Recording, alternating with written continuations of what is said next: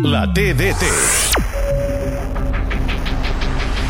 És Gundogan qui té la pilota a la zona de la mitja punta, la penja a l'interior de l'àrea per Fermín, engalta la pilota al pal! Rematava i gol de Ferran, hi havia fora de joc. Doncs, per tant, no ho és, per tant, hauria d'intervenir el VAR. I gol de Ferran. És gol de Ferran. Atenció perquè l'àrbitre està esperant que des del bar li validin. Atenció, gol! Després de la revisió, puja el gol al marcador, el. Ha estat el més llest de tots i ha dit, jo per si de cas xutaré, ha xutat i ha marcat Ferran Torres. Pilota per Fermín, és a la frontal, carrega la cama, xuta Fermín! Gol! Golar de Fermín!